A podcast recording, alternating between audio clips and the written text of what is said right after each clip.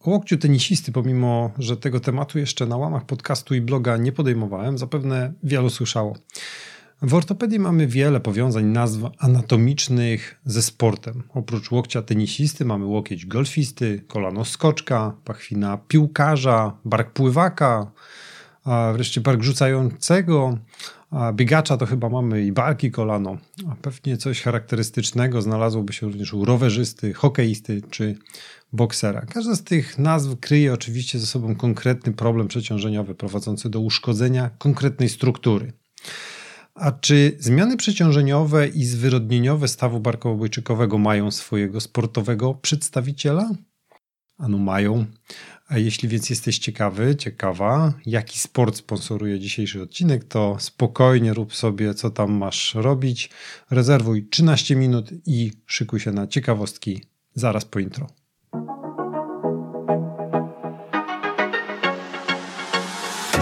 Witam Cię bardzo serdecznie w 39. odcinku podcastu Ortopedia Moja Pasja. Ja nazywam się Michał Dringa, jestem ortopedą, a w podcaście omawiam problemy ortopedyczne, pokazuję jak pracuję, czym kieruję się, kieruję, proponując konkretny sposób leczenia oraz jakie są jego alternatywy i możliwe powikłania.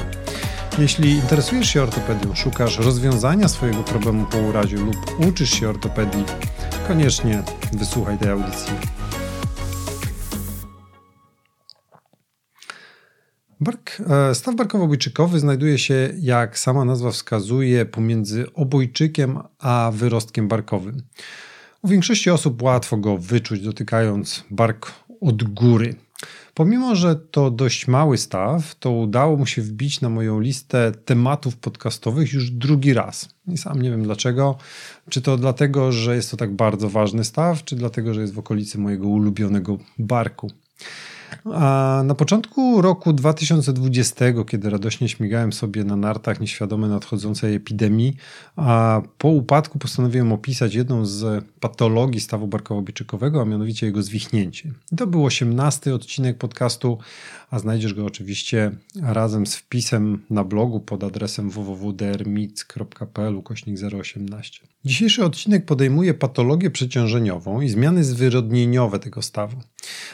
I pewnie już jesteś ciekawy, u kogo będziemy takich zmian oczekiwać. Nie trzymam więc więcej w niepewności. Patologia w literaturze nosi nazwę barku ciężarowca, z angielska weightlifter shoulder, a, czyli bark podnoszącego ciężary dokładnie.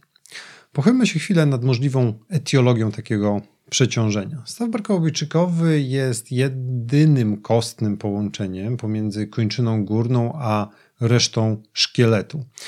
Łopatka co prawda jest mocno zawieszona w stabilizujących ją mięśniach, a jednak jej pozycja w stosunku do klatki piersiowej i osi ciała jest w pewnym sensie ograniczona przez zasięg właśnie obojczyka. A dzięki niemu łopatka nie przesunie się za bardzo do osi naszego ciała, nie będzie za nisko lub za wysoko i sięgając ręką daleko w tył z rotacją zewnętrzną, staw będzie się rozciągał, bo łopatka się przesuwa do tyłu, odsuwa się od obojczyka. Z kolei sięgając do przodu lub mocno w górę kompresujemy staw barkowo-obojczykowy. O ile rozciąganie stawu nie doprowadza do jego przeciążenia, o tyle regularna kompresja już może.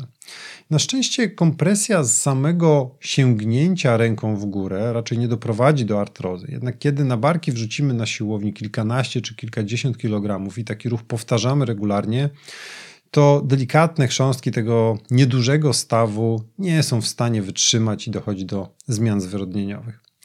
Mamy więc pierwszą możliwą etiologię przeciążenia oraz genezę nazwy tego przeciążenia bark podnoszącego ciężary. Jest jednak druga etiologia, druga dyscyplina, druga grupa sportowców, u których dochodzi do przeciążeń w omawianym stawie. Ktoś może domyśla się, u kogo taką spotkamy jeszcze patologię? Zrobię małą podpowiedź. Stawy lubią ruch, ale ruchy płynne, natomiast chrząstki nie przepadają za uderzeniami. A skoro tak, to kto uderza? Oczywiście bokser. A okazuje się, że właśnie u bokserów zwyrodnienia stawu barkowiczykowego można uznać prawie za chorobę zwyrodnieniową. Ostatnia etiologia to związana będzie z przebytem zwichnięciem stawu barkowo-obojczykowego, o którym przed chwilą wspominałem i który to 18 odcinek podcastu już reklamowałem. Z czym zgłasza się pacjent? Kiedy dochodzi do przeciążeń i chrząstka na powierzchniach stawowych ulegnia degradacji, opojczek zaczyna mocno ocierać o wyrostek barkowy łopatki, co powoduje stan zapalny, obrzęk, ból, deformacje kostne. A pacjent zgłasza się więc najczęściej z powodu dolegliwości bólowych pojawiających się przy unoszeniu ręki ponad głowę oraz przy ucisku na sam staw. Przy normalnych aktywnościach życia codziennego często patologia nie daje znać o sobie, jednak nawraca przy treningach. W badaniu klinicznym możemy stwierdzić bardziej lub mniej nasilone deformacje w okolicy chorego stawu. Samym dotykiem i oglądaniem znajdziemy wypuklenie skóry nad stawem barkowo-obojczykowym. Wynika ono czasem z samego wysięku w stawie, zwiększonej ilości płynu lub z istnienia wyrośli kostnych, czyli takich osteofitów na brzegu barkowego końca obojczyka i na brzegu wyrostka barkowego. W trakcie ucisku na taki staw będzie oczywiście odczuwany ból. Większość ruchów przy wiedzeniu ręki nie powinna być bolesna dla pacjenta, jednak unoszenie ręki, szczególnie w ruchu z oporem, może być bolesne. Samo badanie kliniczne oczywiście nie jest ograniczone do badania stawu barkowo-obojczykowego. Badamy cały staw, wydolność mięśni stabilność. A czy jesteśmy w stanie jeszcze coś znaleźć? No tak, skoro osteofity potrafią wystawać pod skórę, to mogą również lokalizować się w każdą stronę. I jeśli zmiany są od spodu obojczyka, to idealnie konfliktują z mięśniem nadgrzebieniowym, powodując jego osłabienie. W badaniu klinicznym możemy więc wybadać ograniczenie funkcji mięśnia nadgrzebieniowego. Co więcej, poniżej stawu barkowo-obojczykowego jest przestrzeń podbarkowa z kaletką podbarkową i uszkodzenie stawu barkowo-obojczykowego, wysięg stan zapalny w jego obszarze łatwo mogą przenieść się na całą kaletkę podbarkową, dając objawy. Podstawowym badaniem dodatkowym, które pacjent powinien wykonać, jest badanie rentgenowskie w standardowej projekcji AP w celu uwidocznienia stopnia deformacji kości oraz oczywiście wykluczenia innych możliwych patologii. Ja zazwyczaj nie poprzestoję na samym zdjęciu rentgenowskim, zalecam pacjentowi również wykonanie badania rezonansem magnetycznym. Dlaczego nie USG? No, co prawda można w USG ocenić staw barkowo-obojczykowy, ale tylko z wierzchu, ewentualnych wyrośli kostnych pikujących w dół, pod, e, konflikt, e, w dół i konfliktujących z mięśniem nadgrzebieniowym, no nie zobaczymy.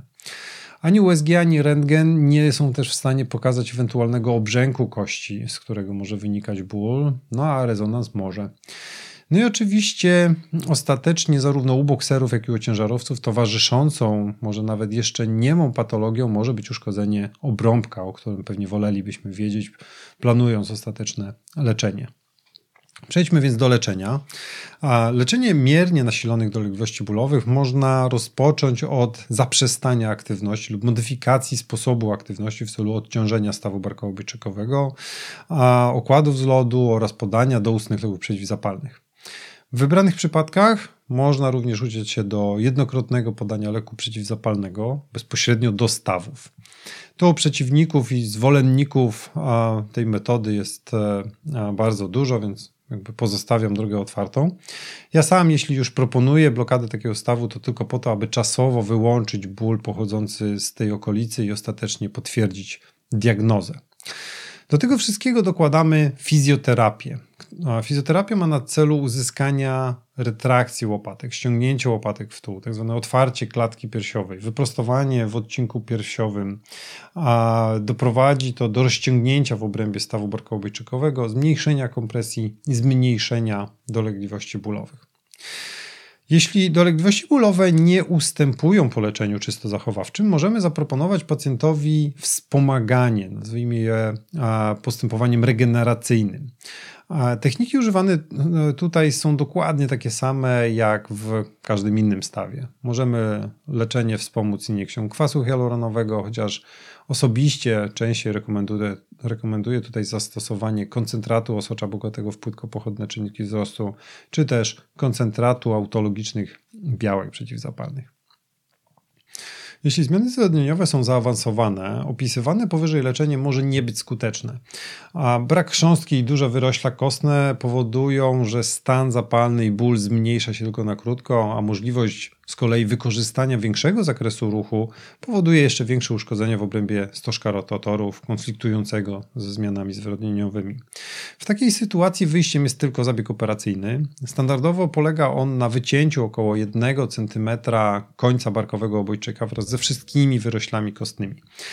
A Dzięki zachowaniu więzadeł kruczoobojczykowych oraz więzadła barkowo-obojczykowego obojczyk nie podwicha się, jest nadal trzymany na swoim miejscu, także choremu nie grozi, nie grozi w przyszłości a, mm, przemieszczenie takiego stawu. Pomiędzy obojczykiem a wyrostkiem barkowym tworzy się gruba blizna, która wraz z wspomnianymi więzadłami zapewnia ustąpienie objawów. W sposób tradycyjny zabieg przeprowadza się wykonując cięcie skóry 4-5 cm nad stawem barkowo-obojczykowym. Nie jest to jednak dobra metoda, gdyż tą drogą, aby usunąć barkowy koniec obojczyka, musimy przeciąć więzadło barkowo-obojczykowe, które jest w zasadzie przede wszystkim i tylko od góry. Zdecydowanie lepiej jest usunąć obojczyk, krawędź obojczyka, idąc od dołu. Do tego jest potrzebna technika artroskopowa. A w ten sposób zachowujemy nietknięte oryginalne więzadła stawu. Przy okazji takiego zabiegu mamy oczywiście możliwość dokładnego sprawdzenia również pozostałych struktur stawu ramiennego, wprowadzając kamerę zarówno do przestrzeni podbarkowej, jak i do samego stawu. Operacja resekcji e, końcowego e, odcinka obojczyka jest raczej zabiegiem bezpiecznym e, i, no i skutecznym. Ze strony operatora wymaga no, precyzji, tak aby po zabiegu nie zostawały tam jakieś niepotrzebne wyrośla, sam staw, żeby był równomiernie poszerzony. Może na koniec jeszcze o postępowaniu pooperacyjnym.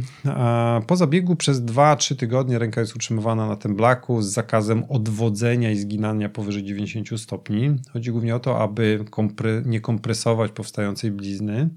Powrót do normalnej aktywności zajmuje około 3 miesięcy, a w, i w czasie tego jest przeprowadzana rehabilitacja. A aktywność sportowa hmm, połączona z możliwością dłuższego utrzymywania ręki wysoko, obciążeniami czy uderzeniami wskazana jest dopiero po 6 miesiącach. I tak oto dotarliśmy do końca tematu. Mam nadzieję, że się podobało. Odcinek, którego wysłuchałeś, jest już ostatnim publikowanym w tym ciekawym 2020 roku.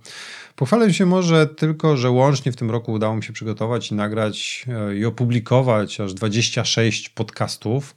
Podcastów, które są nie tylko do słuchania, bo z racji wersji wideo można je również oglądać na YouTubie, na moim kanale Michał Drwinka, lekarz ortopeda, a nawet przeczytać jako wpis na blogu na mojej stronie www.drmick.pl jako że wszystkie odcinki mają spisaną transkrypcję. Jeśli podoba Ci się moja twórczość, to byłbym bardzo wdzięczny za pozostawienie jakiejś pozytywnej opinii, chociaż w serwisie Apple Podcast. A zapraszam również do polubienia lub obserwowania mojej strony na Facebooku lub na Instagramie, gdzie zazwyczaj widać nieco więcej moich aktywności. Tymczasem życzę dużo zdrowia na święta i pamiętaj, aby czasem odpocząć od stołu i zmusić się do aktywności fizycznej, która no, jest nam tak bardzo w ostatnim czasie blokowana. W takim razie do usłyszenia, żegnam się, do przyszłego roku.